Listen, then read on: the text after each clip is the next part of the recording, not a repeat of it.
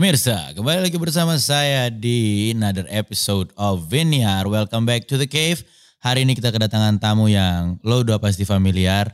Lo mungkin kenal beliau dari buku, dari film, atau dari lagu. Malaikat juga tahu siapa yang jadi bintang tamu. Wah, please welcome Kadi Lestari. Biasa. Thank you boy. Sama-sama dong kak. Ya. Kadi, how you feeling today? Eh, seneng banget dan lagi berbahagia Hmm, karena baru saja rilis single single. dan eh, lagi menikmati hidup sih karena sejujurnya di luar dari single ini aku sedang tidak mengambil pekerjaan Mhm. eh, hanya menuntaskan apa-apa yang tertunda gitu ya jadi banyak banget waktu buat diri sendiri sama anak-anak Hmm. gitu jadi sedang menikmati hidup Benar, benar, benar. Kalau aku tanya satu hal yang exciting Mhm. terjadi lately nih mungkin paling lambat dalam satu bulan selain single ini apa kira-kira? dalam satu bulan ini Ya. ke depan atau ke belakang Ke belakang. Oh ke belakang, baik baik. yang belakangan baik. yang terjadi. Oke. Huh. yang di otakku cuma zumba. Lagi rajin zumba. Lagi rajin zumba. Walaupun nggak ada momen. Oh, mm, mm, mm, wait wait wait wait wait wait wait.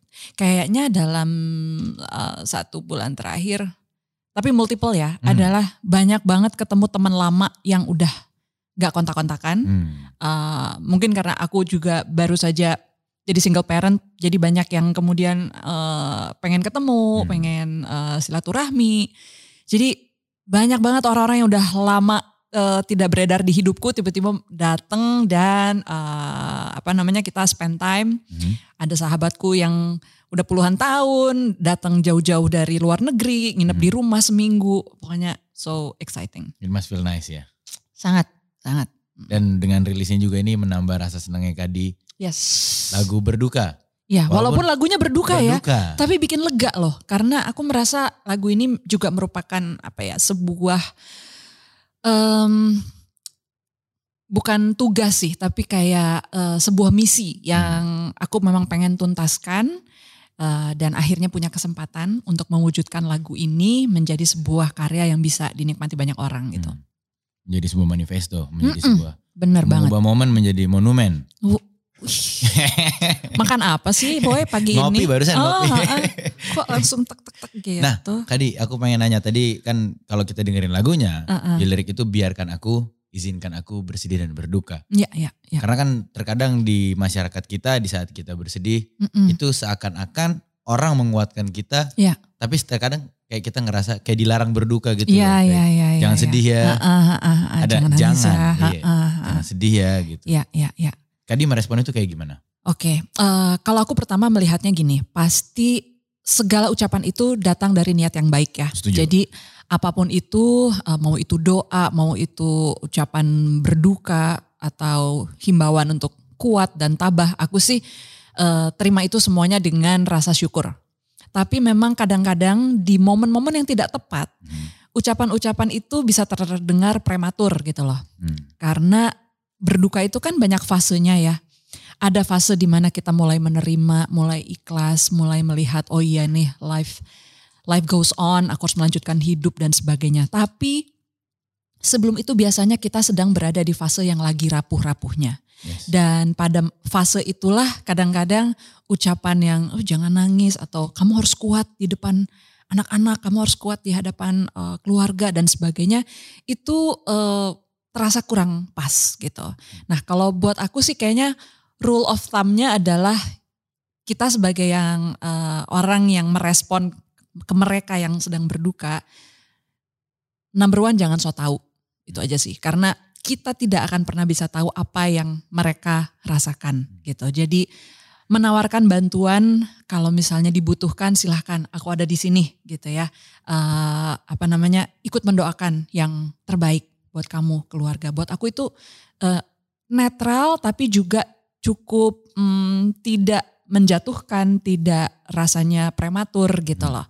Eh, jadi memang pokoknya kita jangan so tahu aja. Itu Jadi- yang paling penting. Itu yang paling penting, attitude-nya gitu ya. Jadi kita coba menerima mereka, mereka lagi ada di fase apa kita nggak persis tahu, tapi jangan menyuruh mereka ini itu yang menurut persepsi kita, oh harusnya kamu begini gitu. Karena kita nggak akan bisa tahu apa sih yang mereka rasakan sesungguhnya. Hmm, setuju sekali kak. Hmm. Dan sebelum kita lanjut lebih jauh mungkin Oke. aku mewakili Voice ingin mengucapkan yang pertama secara langsung ya. Ya. Turut berduka cita atas kehilangannya Kadi Yes, Lestari ya. Makasih banyak. Atas Thank you. keberpulangannya suami tercinta. Thank you, thank you. Kadi hari ini datang dengan sangat bergembira, Mhm. sangat berbahagia dan keberpulangannya si Mas kan itu Mm-mm. bisa kita bilang belum dalam waktu yang lama ya, Dua bulan lah, dua bulan. dua gitu. bulan. Ah, ah. Masih dalam waktu yang relatif singkat. Yes. Bagaimana tuh Kadi untuk bisa karena kan mungkin banyak orang yang bahkan bisa sampai larut-larut Mm-mm, bertahun-tahun mm-mm, mm-mm, untuk merasakan sedikit aja bahagia atas kejadian yang baru di hidupnya tuh susah. Mm. Tuh, sedangkan Mm-mm. Kak Adi ini bisa bener sekarang lagi berbahagia atas ini gitu. Tapi mungkin aku balik lagi nggak pengen so tahu gitu. Iya, iya. Mungkin tapi sedihnya masih ada. Pasti. Tapi masih bisa dibagi porsi perasaannya gitu betul, loh Kak. betul. Itu Kak Adi nge-manage perasaannya, how do you do that? Oke. Jadi eh, seperti yang aku bilang tadi ya, berduka itu kan bertahap-tahap, berlapis-lapis gitu. Dalam 24 jam hidupku barangkali ada momen-momen eh, tiba-tiba kangen, tiba-tiba sedih. Dan kalau momen itu datang, prinsipku adalah jujur aja. Hmm. Jadi rasakan itu jangan dihindari, kayak jangan misalnya begini, gue kan sekarang udah happy, tiba-tiba aku sedih. Gue kemudian bilang, oh gue nggak boleh nih sedih gitu loh. Eh, enggak, gue harus gembira, gue harus happy. Penyangkalan seperti itulah yang menurut aku membuat si kedukaan ini makin sulit dicerna atau makin lama gitu. Jadi prinsipku ketika kita memang sedih, ketika kita memang pengen nangis, nangislah sejadi-jadinya, rasakan sedih itu sedalam-dalamnya. Tapi memang pasti nggak enak, pasti menyiksa ya. Eh, atau ketika kita kangen banget gitu, kangennya bukan kangen yang kangen happy, tapi kangen yang nelangsa misalnya gitu. Itu kan sesuatu yang nggak pengen kita alami sebetulnya. Tapi begitu dia datang, aku merasa oh ya memang sudah saatnya lah. This is the moment. Aku harus merasakan hal itu. So aku rasakan. Kalau misalnya kita benar-benar biarkan dia lewat apa adanya gitu, dari hasil pengamatanku sih cenderung kita juga akan lebih cepat melewatinya gitu dan kemudian bisa merasakan hal-hal lain lagi karena kan itu nggak nggak melulu apa yang kita alami dalam satu hari gitu. Jadi kalau buat aku eh, begitu ada perasaan-perasaan yang tidak enak, sedih dan sebagainya, rasain aja. Tapi dengan tahu bahwa ini semua akan berlalu. Sama kayak kita happy. Oh ya aku hari ini berbahagia. Tapi kan dalam dalam satu hari ini kita nggak bahagia terus-terusan. Which is okay gitu loh. Bagi aku itu sangat manusiawi. Kebahagiaan pun bakal lewat juga. Sensasi riang, happy itu bakal lewat juga. Jadi ketika sedih datang ya nggak apa-apa. Karena dia bakal lewat juga. Hmm. Dan dengan kita ngerasain sedih jadinya kita lebih bisa menikmati atau memaknai saat Iya. happy datang gitu. Benar banget. Ya kita kasih kanvas yang bersih untuk perasaan-perasaan baru yang datang. Tanpa ada bayang-bayang dari perasaan yang kita nggak cerna sebelumnya. Sama kayak pencernaan lah. Kan Benar. lebih bagus kalau misalnya kita bisa benar-benar mencerna semua makanan gitu Hmm. kan. Karena kalau enggak lama-lama dia numpuk jadi penyakit ya. kan? Benar, Nah benar. jadi sama perasaan hati pun menurut aku seperti itu gitu loh. Kalau misalnya ada sesuatu yang perlu dirasain, rasain aja. Hmm. Dan Kadi ini kan seniman yang bisa aku bilang, apakah Kadi nyaman dilabeli sebagai seniman atau Mm-mm. mungkin ma- karena kan Kadi ini bisa dibilang multidisiplin ya. Iya, iya. Penulis iya, Iya. film juga iya, Ah, ah, musik juga iya. ah, ah. Sebenarnya kalau Kadi sendiri melihat apa ya posisi Kadi ini Hmm. apa sih sebenarnya melabelin diri sendirinya tuh sebagai apa gitu? Karena mungkin Ah, ah, orang di luar kan melabelin kita ada yang sebagai adanya yang kenalnya Di Lestari adalah penulis, Iya. Di Lestari adalah penyanyi Iya. atau apa? Kalau Ah, ah. Kadi gimana? Kalau aku sih secara formal selalu menyebut diriku itu eh, author, singer, songwriter. Jadi penulis, eh, penyanyi dan pencipta lagu. Mm-mm. Ya karena memang inilah tiga tiga bidang utama gitu. Walaupun mungkin aku pernah melakukan hal-hal eh, yang artistik lain, tapi di luar dari tiga hal ini. Gitu. Tapi ini tiga hal utama. Jadi kalau soal label sih, aku sebenarnya menyerahkan kepada hmm, orang atau audiens karena Hmm. barangkali memang ada yang cuma kenal aku lewat bukunya aja. Benar. Ada yang tahu aku, oh kamu kan dulu penyanyi di Rida Sita Dewi gitu. Hmm. Misalnya anak generasi 90s gitu kan. Itu ya nggak apa-apa juga gitu. Tapi bagiku eh, secara formal ya memang profesiku itu adalah penulis, eh, penyanyi dan pencipta lagu. Pencipta lagu. Mm-mm. Tapi biasanya yang menjadi medium yang paling Hmm, kakak apa ya senangi itu udah pasti semuanya disenangin ya. Cuman iya. terkadang kan kayak kalau aku medium utamaku adalah musik. Aha, baru turunannya ke yang lain-lain. Iya, iya, nah, iya, kalau Kadi tuh yang menjadi main mediumnya yang mana nih? mainnya Iya, cerita, story. story. Karena bagi aku storytelling itu inilah yang barangkali menggerakkan aku untuk eh, bikin lagu. Storytelling juga menggerakkan aku untuk menulis. Jadi yang source utamanya itu adalah membuat cerita, ber- eh, bercerita ya. Jadi seni bercerita ini kemudian bisa diterjemahkan menjadi tulisan, bisa menjadi lagu. Dan ketika aku bernyanyi, aku pun sebenarnya menuturkan Iya. sebuah cerita gitu. Jadi itu kayak bagian dari itu semua gitu. So storytelling. Jadi menyanyi itu juga bagian dari, Dari storytelling. cerita Iya. gitu dengan Mm-mm. cara yang berbeda, Benar banget. dengan nada kebetulan. Yes, dengan gitu. ekspresi Dengan gitu kan. ekspresi. Iya, iya. Tapi kan banyak sekali lagu-lagunya Kadi ini untuk atau mungkin diperuntukkan kepada tulisan yang dijadikan film, Hmm. dijadi Mm-mm. soundtrack atau segala Mm-mm. macam. Tapi khusus berduka ini berarti formatnya masih dalam wujud musik ya? Iya, ini ya single gitu kali ya istilahnya Single. ya. Jadi memang single. eh, makanya ini sesuatu yang agak jarang ku lakukan sih. Benar, tiba-tiba Karena hanya single only. Single aja kan. Iya, Biasanya selalu berhubungan dengan cerita. Terakhir Iya. itu albumku Recto Verso. benar. Itu ada eh, apa namanya? Eh, kumpulan cerpennya gitu Betul. kan yang Terus orang bisa ada filmnya nikmatin. juga. Ada filmnya juga gitu. Dan kemarin proyek terakhir adalah Rapi Jali. Hmm. Rapi Jali juga aku bikin lagu-lagunya di kebetulan dinyanyikan oleh sekian banyak penyanyi lain, tapi dia juga punya eh, format buku Benar. dari ceritanya gitu ya. Nah, memang nih berduka bisa dibilang sesuatu yang langka karena eh, sejauh ini at least belum ada format eh, lain selain eh, single, Single. ini aja. Dia eksklusif keluar sebagai Yes. musik. Ya, ya.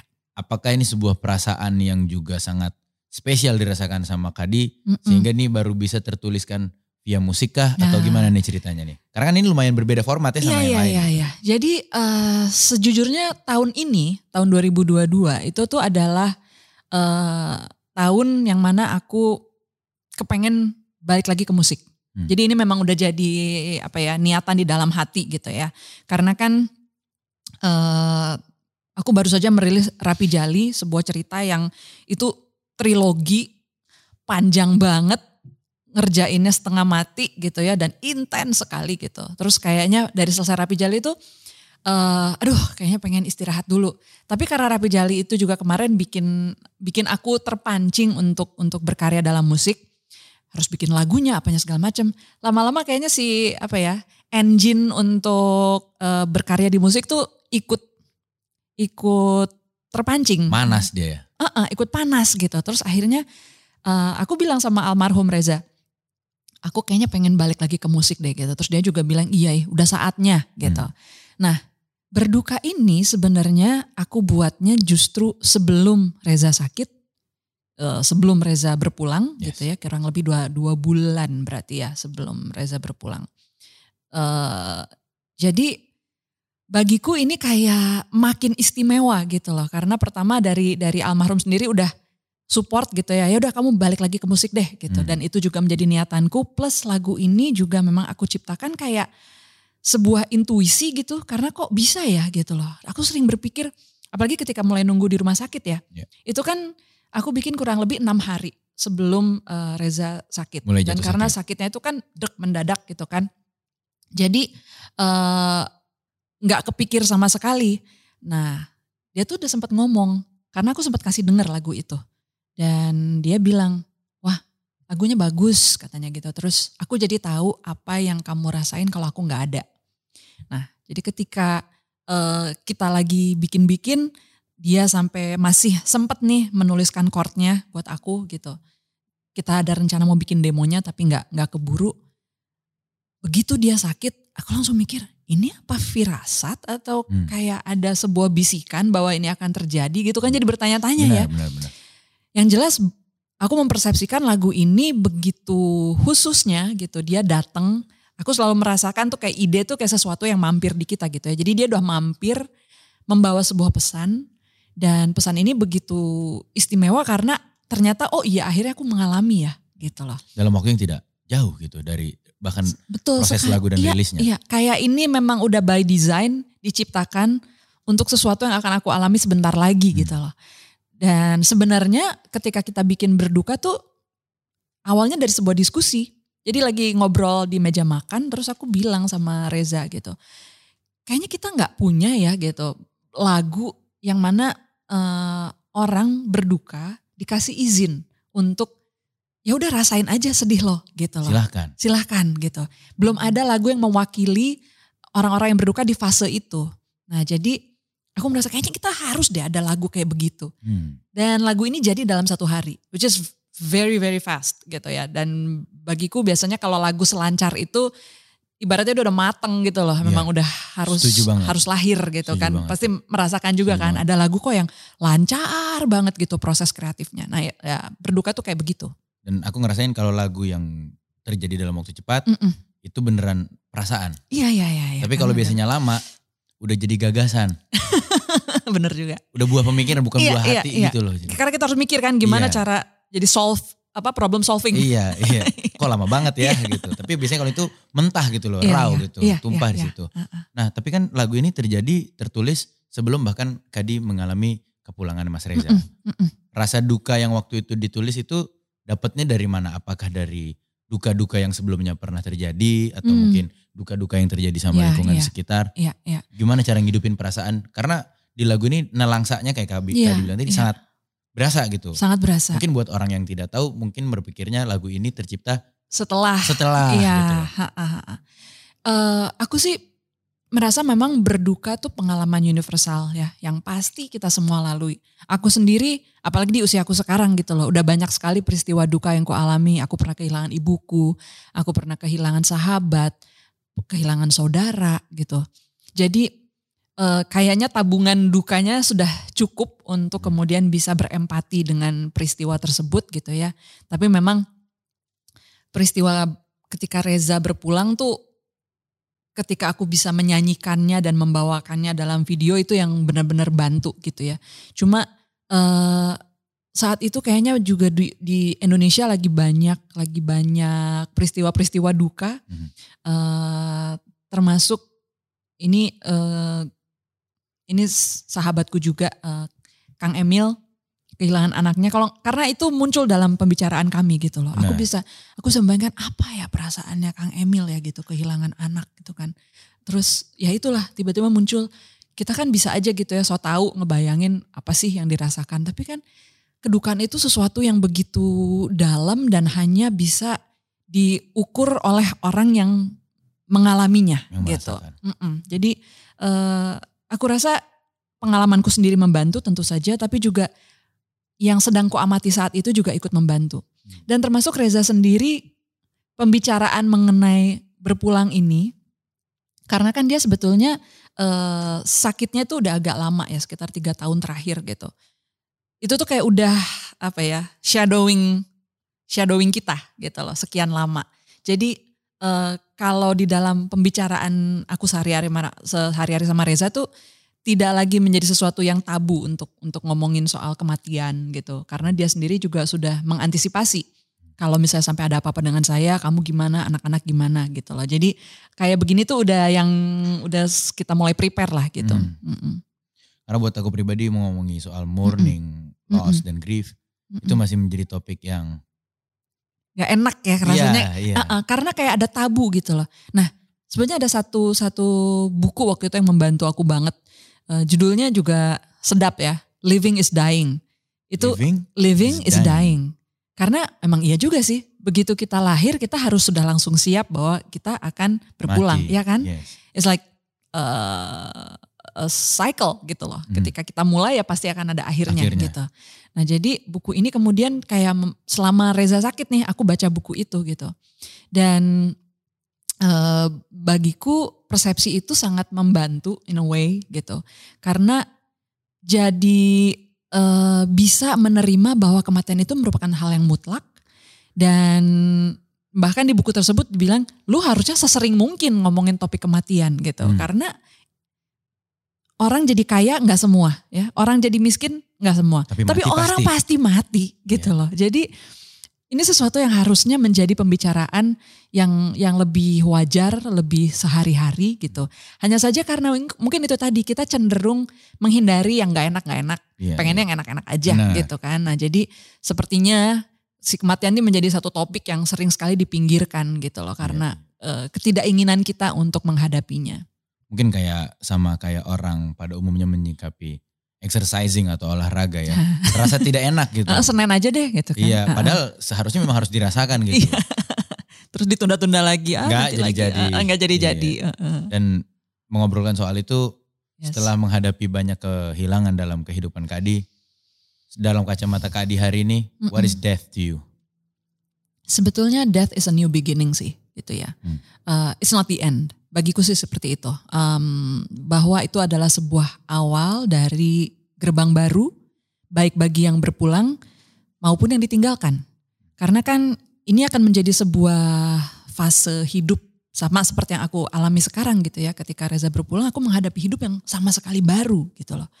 Uh, begitu juga dengan Reza, aku tidak tahu persis tentunya eh, bagaimana perjalanan dia selanjutnya ya hanya hanya yang maha yang tahu gitu Mhm. tapi aku merasa bahwa it's not the end ini hanya masalah transformasi aku percaya energi itu kan kekal ya tidak bisa dimusnahkan jadi eh, dia akan bertransformasi pastinya tapi menjadi apa itu bisa aku rasain sendiri aja deh gitu karena ini eh, topik yang licin banget untuk kita bisa jadinya malah debat kusir gitu kan. Benar. Oh bakal berakhirnya begini, dia akan ke sini, dia akan ke sono. Tapi bagiku yang lebih penting adalah bagi yang ditinggalkan gimana kamu bisa menjalani eh, hidup kamu setelahnya gitu, bisa berdamai dengan kondisi ditinggalkan dan kita berharap dan berdoa yang sebaik-baiknya untuk mereka yang sudah pergi gitu. Bagiku itu jauh lebih penting. Ya, ya. Dan Mm-mm. kita bagaimana melanjutkan ke hidup dalam Iya. dalam apa ya manner untuk to honor. to honor, respect the memory. Kalau ada yang bisa kita apa ya, ya kayak Reza itu kan buah pikirnya banyak banget yang bisa aku eh, bantu abadikan misalnya gitu. Aku pengen itu ya udahlah menjadi mungkin next projectku dan sebagainya. Aku belum tahu pasti tapi kayaknya itu hal-hal yang bisa kita lakukan sebagai yang ditinggalkan. Kita coba preserve yang baik dan kita sh- share gitu. Mhm. Apakah ini ke depannya mungkin saja menjadi sebuah cerita yang lebih kompleks dan lebih panjang dalam Hmm. wujud novel? bisa jadi fiksi, bisa juga jadi non fiksi, tapi em, sebetulnya aku sudah terpikir sih ingin ingin eh, mencurahkan sesuatu ya dalam format tulisan, Eh, walaupun topiknya apa masih belum tahu gitu ya. Apakah itu tentang pengalamanku sendiri, apakah itu tentang pemikiran-pemikiran Reza yang aku rasa bermanfaat dan sebagainya, tapi there will be something lah Hmm, in a form of writing. akan kita tunggu guys. Yes. Kadi, yes. dalam perjalanan hidup Kadi ini growing up, Mm-mm. yang mana yang datang duluan? Bercerita, musik, Hmm. yang mana nih yang datang duluan? Aduh. Karena kan Kadi ini bisa dibilang datang dari latar keluarga Iya, yang iya, iya, iya. artistik gitu. Iya, iya, Adiknya iya. Kadi sendiri fun fact buat yang nonton itu ah. adalah Arina Moka. Ya, Nah, itu adik kandungku. Eh, dan dari berempat, eh sorry kami berlima, empatnya eh, berempat ini semuanya di seni ya. hmm, Kakakku yang satu lagi dia sutradara, penulis skenario, ilustrator. Satunya lagi dia penyanyi dan pianis jazz. Terus aku, kemudian Arina. Nah cuma abangku doang nih. eh, dia kerjanya malah di industri tambang. hmm, sangat tapi- jauh. Sangat jauh. Tapi dari dialah kami tahu yang namanya eh, buku-buku, referensi musik, percaya atau enggak umur tiga tahun nih. Memori-memori pertama kita kan biasanya umur segituan ya. Benar. Lagu pertama yang ku ingat itu bukan balonku, Apa itu? Bohemian Rhapsody. Why? Karena abangku. Karena dengerin kaset-kaset dia waktu tahun itu gitu Hmm. loh. Jadi dari dialah referensi musik ini gitu ya. Nah mana yang duluan? Sejujurnya ini kayaknya datangnya bersamaan loh setelah aku retrospek ya. Oh iya ya. Jadi yang pertama datang kayaknya senang menghayal. Itu for sure. Aku senang sekali menghayal. Jadi eh, kakakku lebih kutu buku daripada aku, tapi aku tuh senang sekali mengarang, menciptakan sesuatu dari imajinasi gitu ya. Jadi senangnya melamun, ngayal gitu. Nah Seniman. kelas 2 S, ya makanya ya. kelas 2 SD aku inget banget.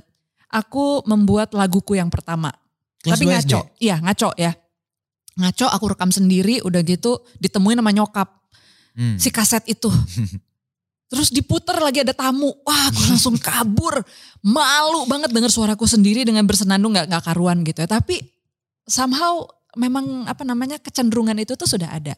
Nah kelas 5 SD aku baru membuat lagu pertama yang berstruktur. Hmm. Nah itu eh, aku masih ingat lagunya tapi sutra lah, gak usah kita nyanyikan. Lalu ada cerita juga. Jadi itu upayaku pertama membuat novel itu kelas 5 SD. Jadi kalau bisa dibilang berbarengan sih. Uh, walaupun kayaknya nyanyi duluan ya yang hmm. karena memang satu keluarga nih suka nyanyi jadi udah udah biasa nyanyi di paduan suara, nyanyi di uh, vokal grup itu tuh udah makanan dari kecil gitu. Nyanyi tuh udah jadi keseharian. Udah lah. jadi keseharian. Kayak hmm. nasi. Iya, iya iya, main musik, main piano, iya. denger jembrang-jembreng alat musik segala macam di rumah itu tuh udah biasa banget dari kecil. Dari melek juga udah ada di situ mm -mm, dia, it's just there. Iya, iya, iya. Karena ayahku tuh seneng banget main musik tapi dia otodidak. Tapi mm. segala macam dicoba, ya gitar lah, harmonika, Pokoknya segala macam alat musik ada aja di rumah gitu. Jadinya sense eksploratif itu juga turun yes. ke anak-anak. Mm -mm, ya. mm -mm, mm -mm. Kadi kalau novel sendiri nih mm -mm. yang bukan Kadi tulis. Yeah. Yang jadi favorit of all time-nya Kadi apa nih novel ini? Oh my God. Nih. Pertanyaan paling susah. Oke, okay, seju sejujurnya adalah aku itu selalu merasa paling relate dengan karya paling akhir yang ku bikin. Maksudnya yang paling baru. Ya. Yeah.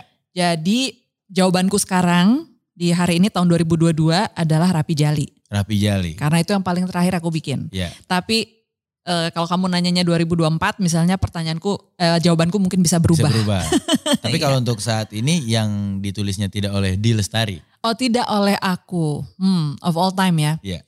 Bisa dibilang kayaknya yang paling monumental bagiku itu adalah Hujan Bulan Juni.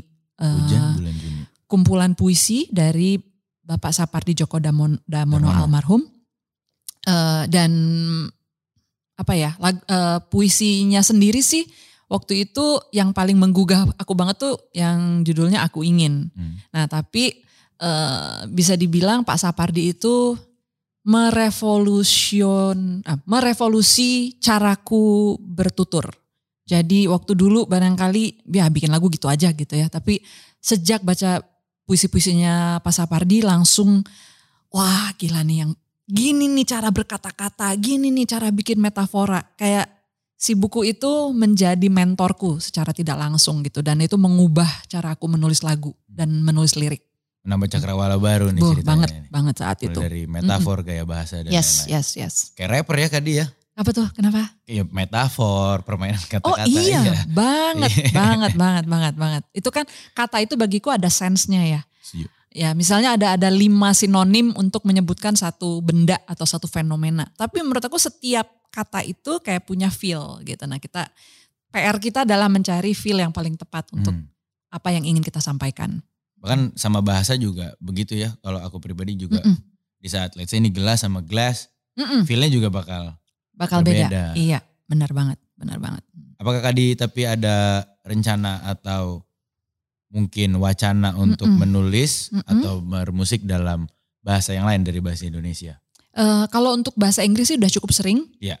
Um, ada satu lagu sebenarnya waktu itu aku pakai bahasa uh, Timor. Hmm. Tapi belum belum dirilis, tapi pengen sih satu hari karena memang mirip banget dengan bahasa Portugis bunyinya gitu ya. -hmm. Jadi merdu sekali aku senang aku senang sekali bahasa Portugis gitu karena bagiku indah banget di kuping dan uh, satu hari nanti mungkin aku rilis kapan-kapan. Tapi kalau kalau sejauh ini yang aku rasa bisa udah mulai fasih ya pastinya bahasa Indonesia nomor satu sama bahasa Inggris, bahasa Inggris. gitu. Uh -uh. Walaupun kayaknya kalau dalam bahasa Indonesia tuh hmm, ada hal-hal yang lebih subtle yang yang bisa aku ungkapkan yes. justru ya gitu. Banyak orang yang bilang aku lebih seneng bahasa Inggris.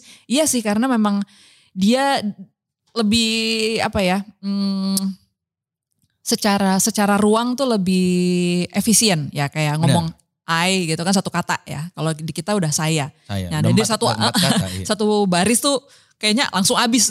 Kan paling kita satu baris tuh cuma muat berapa kata ya kalau bikin bikin melodi apa bikin lirik gitu. Ya itulah tantangannya. Tapi I love bahasa Indonesia. Aku seneng banget. Luar biasa bahasa Indonesia ya mbak ya. Buat aku indah sekali indah ya. sekali. Ya. dan kayak recto verso kan juga itu bahasa Perancis kalau bukan? Recto verso Latin. Latin ya, ya. recto verso ya. Uh, uh, uh. dan maksudnya juga tetap ada unsur beberapa bahasa lain juga di sini dan aku seneng banget bahasa Latin juga walaupun nggak sempat belajar ya tapi hmm. menurut aku ada ada apa ya recto verso atau eh, pokoknya bahasa Latin itu terdengar sangat eh, apa adanya kali ya apa yang diucap, apa yang tertulis itu yang diucap jadi mirip kayak bahasa Indonesia Benar. gitu. Tapi eh, elegan gitu loh kayak oh, Setuju. keren gitu. Mm. Kayak bahasa yang udah sangat tua juga. Iya, gitu. ah, ah, ah, ah. Tadi kalau untuk tadi kan novel yang kakak tulis yang terfavorit tadi ya untuk Iya. saat ini itu ada Rapi Jali. Iya. Tapi kalau yang least favorite ada nggak? Itu kan most favorite. favorite. ya. Iya. Least favorite berarti yang di kalau boleh diprioritaskan atau diperingkatkan dia mungkin di paling bawah. Ini ya semua pertanyaan tar-tar-tar itu tuh paling susah buat dijawab. Tapi aduh nanti aku di di ini kali apanya ditimpuk nih sama para pembacanya karena banyak banget yang Di geruduk penggemar. banyak banget yang merasa bahwa oh justru itu apa namanya Number one-nya. makna opusnya di Lestari itu itu gitu. Tapi sama formulanya yang kalau aku paling suka adalah yang paling terakhir aku bikin. Karena apa? Karena aku merasa memang setiap setiap karya itu kan kita bertumbuh ya. Benar. Jadi sesuai dengan the latest me gitu dan mulai dari cara apa namanya cara penuturan, pemilihan kata, pembuatan struktur itu yang paling latest nih. Nah, yang paling aku nggak suka tentu yang the earliest. Hmm. Karena merasa ini banyak banget sih salahnya ya Allah gitu ya. Kalau ngeliat tuh ya ampun dulu mikir apa sih gitu. Iya, iya, iya. ya itu bukaku yang pertama Supernova. Supernova. Kesatria Putri dan Bintang Jatuh. Tapi pasti banyak yang tidak setuju di luar sana. Terus karena banyak yang bilang, itu justru yang paling. Tapi bagiku karena bukan karena ceritanya, tapi aku sebagai penulisnya itu uh, aku sangat bisa merasakan apa ya kehijauanku saat itu Hmm. gitu loh. Karena kan kali juga ngerasain perkembangan dan progres. Iya. Jadi ketahuan yang dulu kayaknya Ih, masih banyak kurang ilmu Iya, iya, atau iya, banyak iya. kurang rasa atau banyak Iya, iya, apa gitu. Iya. uh, uh, uh. Mungkin sama kayak kita berkaca kalau ngeliat foto kita Facebook zaman Hah, dulu. Nah, nah kan yang dulu kita rasanya keren banget. Iya, Pas potret, oh keren Waduh. banget. Begitu lihat Sekarang- sekarang, hah? Gitu kan, what was I thinking? iya Gitu. alay juga ya gue ya. Iya, iya, iya. uh, uh. Kadi tapi kalau seandainya tidak menjadi seorang author, Iya. tidak menjadi seorang musisi, Iya. How do you see yourself? Di mana kira-kira Kadi akan berakhir secara karir? Jika tidak menjadi ini dua. Hmm. Gua rasa ad- ada dua tempat. Kalau nggak di dapur, di kebun. Hmm, menarik. Karena aku suka masak dan aku suka tanaman. Dan ini menjadi kayak hiburanku di sela-sela karirku sekarang gitu loh. Hmm, Jadi aku seneng banget masak. eh, cuma ya buat ini aja lah ya, buat level rumahan aja Hmm. gitu. Dan juga sangat suka berkebun, seneng pelihara ini, pelihara itu gitu. Ya itu kayaknya dua itu entah jadi petani atau koki kali. Oke, ya, chef gourmet. Di Lestari Gourmet. iya iya. iya. Somewhere in parallel universe akan ada tuh. Ya betul benar banget. Kadi kalau Yes. satu momen yang di perjalanan karir atau perjalanan hidup Kadi, Hmm. karir ya lebih tepatnya mungkin Ya. ya. Di mana Kadi ngerasa that's like rock bottom ya, pit bottom yang ini momen jatuhnya nih Kadi. Itu di Hmm. momen apakah, di saat seperti apakah? Boleh dibagiin nggak? Hmm. Secara karir ya gitu. Secara karir, secara karir. Wow. Rock bottom. Karena kan karir itu tidak selalu menanjak. Ya, ya, ya, ya, ya. Em, aku nggak bisa bilang bu- bukan exactly rock bottom di mana karirnya eh, apa namanya runtuh atau gimana. Cuma kayaknya itu adalah satu titik balik, yakni ketika aku keluar dari Rida Seta Dewi. Hmm. Karena eh, aku cinta banget sama Sita sama Rida gitu ya, eh, dua partnerku. Itu tahun 2003. Udah lahir belum boy? Udah, Udah. aku 97. Alhamdulillah. Aku Oh, baiklah. 97. Gue suka khawatir kalau ngobrol, ngobrol sama orang yang jauh lebih muda tuh ketika aku nyebut tahun perasaan gue udah gede gitu saat itu gitu kan tahun 2003 aku taunya Hah, saya baru lahir mbak Eh, jadi tahun 2003 tuh aku keluar dari Rida Sita Dewi grupku yang aku besarkan juga bareng gitu selama 8 tahun dan itu berat sih gitu karena berat meninggalkan mereka Hmm. dan juga eh, itu kan udah menjadi identitasku selama bertahun-tahun gitu ya, dan aku harus oke this is it gitu aku tinggalkan. Tapi memang saat itu idealisme musikku kayak udah nggak tertampung di sana. Dan aku juga udah mulai menulis saat itu sehingga rasanya ada fokus baru yang butuh eh, atensiku yang penuh gitu loh. Sehingga akhirnya aku keluar itu berat sih gitu. Dan pernah ada momen aku inget banget nonton konser Moka nggak lama setelah aku keluar gitu. Terus ngelihat adik gue nyanyi ada perasaan apa coba? Gue nggak pengen ada di sana. Dan I feel so relief gue ada di tempat penonton. Dan itu kadang ada apa ya in another way bikin aku sedih karena loh kok gue kayak kayak tau gak sih kayak musisi yang kemudian gak pengen main musik lagi. Hmm. It's saddening gitu loh. Tapi kadang-kadang memang itu terjadi kan dalam ya mungkin orang mengalaminya dengan dengan level yang berbeda-beda Hmm. gitu loh Atau kayak dengan konteks yang berbeda. iya kayak seorang yang lagi dia pelukis yang yang seneng banget ngelukis tapi tiba-tiba satu hari dia nggak mau ngelukis lagi gitu nah itu perasaan di mana yang hah ini kok this is this it gitu loh Hmm. gue pikir eh, cuma sama Rida Sita Dewi doang berhentinya tapi ketika melihat yang kok gue nggak pengen ya ada di panggung lagi gitu? Kok gue seneng ya ada di penonton gitu? Hmm. dan itu sempat membuat aku bertanya-tanya. Eh, tapi pada akhirnya sih itu fase yang kulewati juga. Eh, walaupun lama ya baru kemudian berasa oh iya ternyata masih masih ada keinginan untuk main musik. Walaupun jujur eh, untuk di panggung itu sudah tidak lagi kayak dulu sih. Eh, aku lebih senang menikmati di belakang panggung ataupun kalau manggung ya sesekali aja. Bukan sesuatu yang itu tidak lagi menjadi sumber energiku gitu loh jadi eh, kalau ada ya syukur kalau enggak juga nggak apa-apa bukan lagi sesuatu yang ku kejar Bukan suatu fokus utama Mm-mm. sekarang untuk performance terutama. untuk performance kalau untuk memproduksi sesuatu aku masih sangat sangat suka Karena emang senang berkreasi gitu kan. yes Balik nah, lagi kayaknya itu kayak mainnya tuh itu gitu. Bener. Uh, uh. Kan Karena kalau- itu dua hal yang berbeda sebenarnya ya. Bener, Kita create something sama Perform. perform. Uh, uh. Beda-beda banget, beda Iya, banget. Dan iya. Kalau buku kan nggak perlu diperform. Nah itu Iya. dia. Makanya kemudian aku menikmati sekali profesi menulis itu karena uh, fleksibilitasnya. Terus apa ya casual gitu loh. Kan kalau nyanyi tuh perintilannya banyak ya. Mikirin kostum, mikirin make up, mikirin sound, ada manajemen dan Stage sebagainya. act. Uh gitu Ah, loh. banyak deh, banyak Uh, banget. uh, banyak banget. Nah sementara kalau nulis tuh udah cuma gua doang dan gua-gua lagi gitu ya. Terus nggak ada orang yang aku harus mintain approval, mau nulis kayak apa aja terserah gitu Hmm. loh. Jadi apa namanya the degree of freedomnya tuh luar biasa gitu. To be an author. Yes, Dan sekarang Kadi menjalani hidup sebagai author. author. Sebuah karir yang bidangnya sangat disenangin. Hmm, hmm. Menjadi sebuah pekerjaan juga. Ya. Mungkin pengen aku kaitin ke topik soal kan zaman sekarang anak-anak muda terutama Hmm. banyak banget yang ngebahas soal work life balance. How do you see it? Hmm. Karena kalau aku ngerasanya karena kebetulan aku adalah orang yang beruntung bisa bekerja di bidang yang aku senangin. Yes. Di saat aku bekerja aku ngerasanya aku gak tahu ini buruk atau baik. Mm-mm. Tapi aku merasanya sedang tidak bekerja. Tapi ya lagi hidup aja. Ya, Cause Ya. this is my life. ya, ya. Kalau aku nggak kerja rasanya kayak nggak hidup. Ah, ah. But how do you see it? Ya, ya. Kayaknya memang ada fase yang seperti itu ya gitu. Aku juga pernah merasakan. Ntar, kamu pasti masih single ya? Nggak sih pada pacar sih. Nggak, tapi belum married, Belum, belum, punya married. anak. Belum, Ah, belum, belum punya buntut. Belum belum ya, siap. Oke. Iya. Ya, aku juga kayaknya ada pernah di fase itu di mana eh, wah, itu apa ya? Dunia dan waktu tuh kayak uh, ber- dunianya berputar cepat, waktu tuh nggak berasa gitu kan. Hmm. Begitu udah melakukan apa yang kita suka gitu. And it's everything for me gitu. Tapi memang begitu punya anak, begitu hidupku semakin kompleks ya gitu.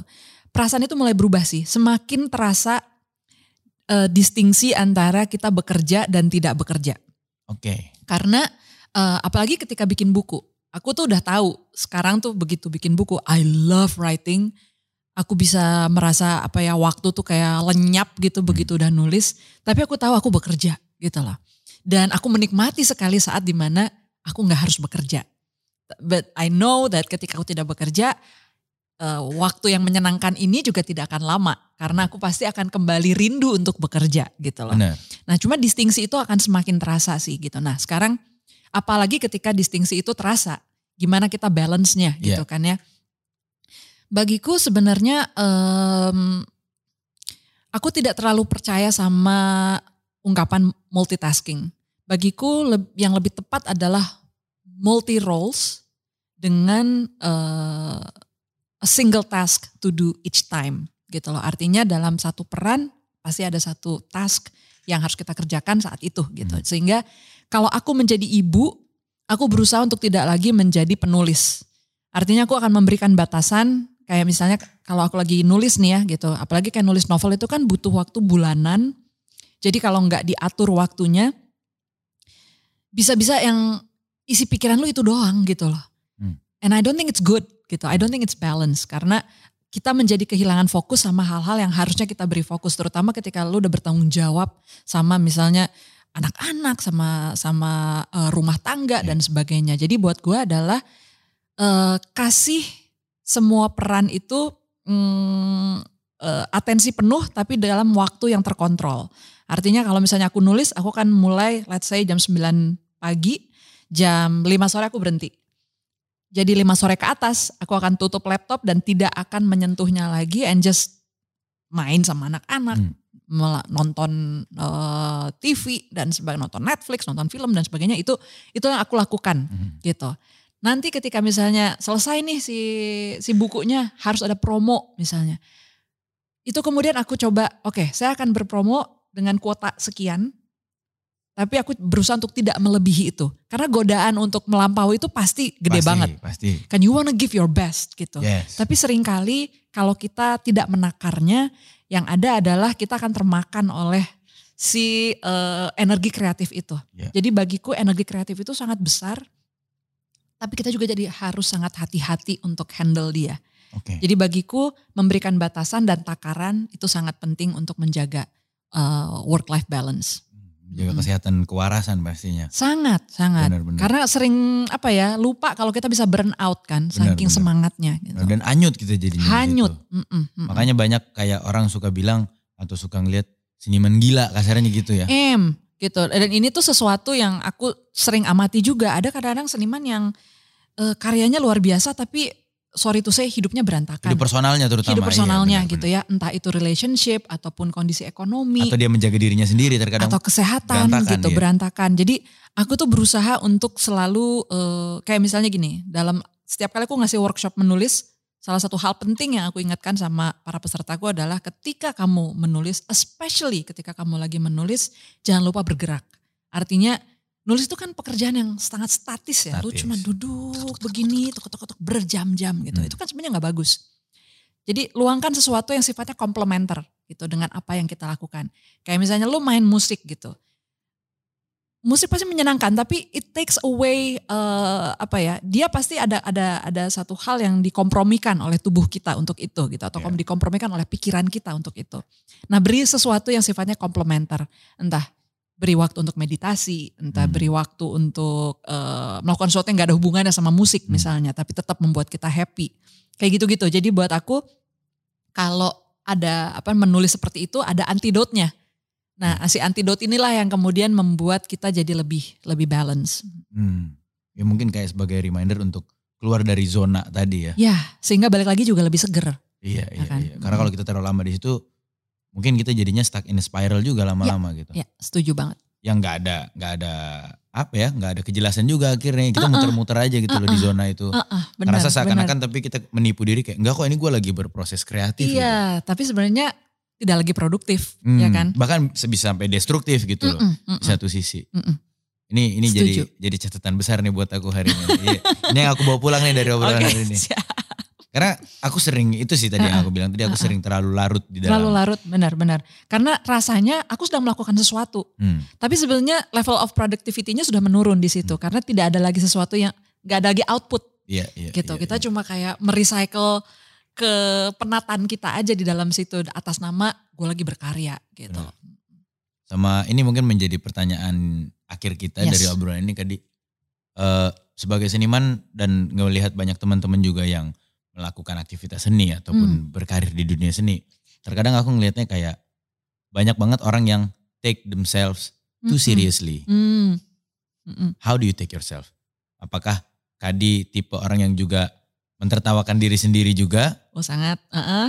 Apa gimana? Karena banyak yang aku perhatiin gitu ya, terutama di teman-teman yang di industri Mm-mm. seni ini, kayak sulit untuk mentertawakan diri sendiri gitu loh. Mereka terlalu serius, terlalu akunya tuh gede banget. Akunya gitu gede loh. banget. Iya. Heeh, heeh. Nah kalau pesan Kadi tuh sama teman-teman yang terlalu stres karena keadaan-keadaan seperti itu tuh gimana? Oke. Nah gini, ini kadang-kadang ya kita itu eh, menurut aku kunci dari situasi itu adalah kita terlalu mengidentifikasi diri kita dengan karya kita. Kalau buat gua, karya itu adalah sesuatu yang lewat dan Oke. kita kayak menjadi asisten untuk kelahirannya, Ngedelivernya. delivernya. Tapi dia bukan kita. Artinya dia dia lahir lewat kita untuk dinikmati oleh oleh orang banyak gitu. Tapi kalau kita stuck dan merasa teridentifikasi dengan karya-karya itu, akhirnya apa yang terjadi? Si channel ini padat, channel ini penuh. Sementara kita butuh kekosongan supaya ide-ide baru itu bisa mengalir. di dalam menulis satu hal yang buat aku membedakan antara uh, tulisan bagus dan tulisan yang mungkin uh, walaupun berkualitas tapi nggak sebagus apa yang gila ini tulisan bagus banget Hmm, gitu ya. hmm, hmm. Itu cuma satu sebenarnya. Ketika si kreator itu mampu menjadi nggak ada. Dia mampu hilang. Karena dengan demikian yang lu nikmatin sepenuhnya adalah cerita. Lu lupa bahwa ini tuh dibikin oleh Dewi Lestari. Lu lupa bahwa ini adalah kutipan-kutipan karya. Karena beda banget ketika si kreatornya hilang, keakuannya hilang, itu karya itu akan berbicara dengan sepenuh-penuhnya gitu loh. Jadi justru ketika kita berkarya menurut aku penting sekali untuk kita apa ya merendahkan hati gitu bahwa saya ini asisten dari sesuatu besar, sesuatu yang lebih agung daripada saya ingin lewat gitu loh. Nah bagi gue tuh sesuatu yang agung itulah yang kita sebut um, alam inspirasi, the realm of ideas. Hmm. Itu agung banget, gede banget. It's timeless, dia nggak kenal waktu, nggak kenal eh, batasan-batasan boundary ruang Hmm. dan waktu seperti kita gitu. Nah ketika dia bisa lewat mampir ngasih sesuatu gift gitu loh untuk kita, itu kan kita yang wow, it's an honor Iya, gitu loh sebuah kehormatan. sebuah kehormatan gitu. Tapi ini bukan bukan saya, ini tuh kayak a gift gitu loh. Nah, buat gue mindset seperti itu membuat kita sebagai kreator jadi lebih ringan melangkah, Hmm. tidak terlalu stres karena merasa jadi misalnya nih ini ada gift udah terus tiba-tiba dihina-hina orang, dikritik, terus kita merasa kayak dia menghina kita gitu kan kayak gila nih karya gue dikatain gini. Hmm. Pasti ada, pasti Hmm. ada Nggak bisa dipungkiri. nggak gitu. bisa dipungkirin. Tapi kalau kita bisa berhasil mengambil jarak dan melihat bahwa oh ya, tapi karya ini kan lewat lewat eh, apa namanya gua perantaranya gitu. But this is not all me. So apa pun yang terjadi dengan karya ini ya gua I took part in it gitu dan it's okay dia akan punya hidupnya sendiri. Biarkan gua menjadi medium bagi karya-karya yang lain gitu loh. Makanya aku bisa berdamai dengan Supernova yang menurut aku banyak kesalahan gitu. Tapi Hmm. aku merasa ya itulah bagian dari diri gue yang dulu. Bisa gue ketawa-tawain Iya, ya kan. iya, iya. If I took myself too seriously gitu ketika mungkin ada orang mengkritik Supernova gue berhenti nulis kali. Karena merasa heeh kayak itu tuh penghinaannya langsung ke gue gitu. Hmm. Menurut aku dengan jarak seperti itu kita bisa menjadi seniman yang lebih sehat sih. Dalam artian your work doesn't define you. Yes, yes, you are more than that. In a way, your work is also a bigger part of you. Tapi itu adalah hasil kolaborasi antara lu dengan alam ide gitu loh. Jadi bagi aku, um, acknowledging the gift from the idea of realm itu, uh, the realm of idea itu membuat identitas kita, keakuan kita akan Turun. terkendali. Mm-mm. Wah, gokil banget. Iya, iya, iya, iya, iya, iya. I really need this. Ah, Oke. Dan ini juga menurutku juga bisa buat yang nonton konteksnya juga bisa di dalam segala bentuk ya. Yes. Nggak hanya di seni gitu. Mm-mm. Maksudnya kita kan selalu mengeluarkan output. Mm-mm. Mungkin ada yang outputnya berupa Excel spreadsheet, Iya. ada yang berupa Banget. PowerPoint gitu. Iya, iya, iya. It doesn't Berupa define laporan. berupa laporan gitu, berupa financial statement Iya. atau iya. apa pun itu Iya. ya. It doesn't define you gitu Iya, loh. Iya, iya. Betul, betul. Terima kasih banyak waktunya Kadi. Sama-sama boy. Terima kasih banyak juga obrolan Sangat hari ini. menyenangkan. Thank Sungguh so mencerahkan much. dan sangat menyenangkan. Yes, you, Jangan lupa you. untuk dengerin single Kadi Lestari terbaru berjudul Berduka di semua digital streaming platform udah ada ya Yes, kayak. sudah ada. Video klipnya juga ada di YouTube. Ya, di channelnya Trinity Optima. Yes, dan tungguin karya-karya terbaru dari Di Lestari. Kalau gitu, you. gua pamit. Sampai jumpa di episode-episode Viniar selanjutnya. Bye-bye. Bye. Hai, saya Dilestari. Terima kasih sudah menonton. Jangan lupa untuk like, comment, dan subscribe. Serta nantikan episode-episode berikutnya dari Vinyar. Bye.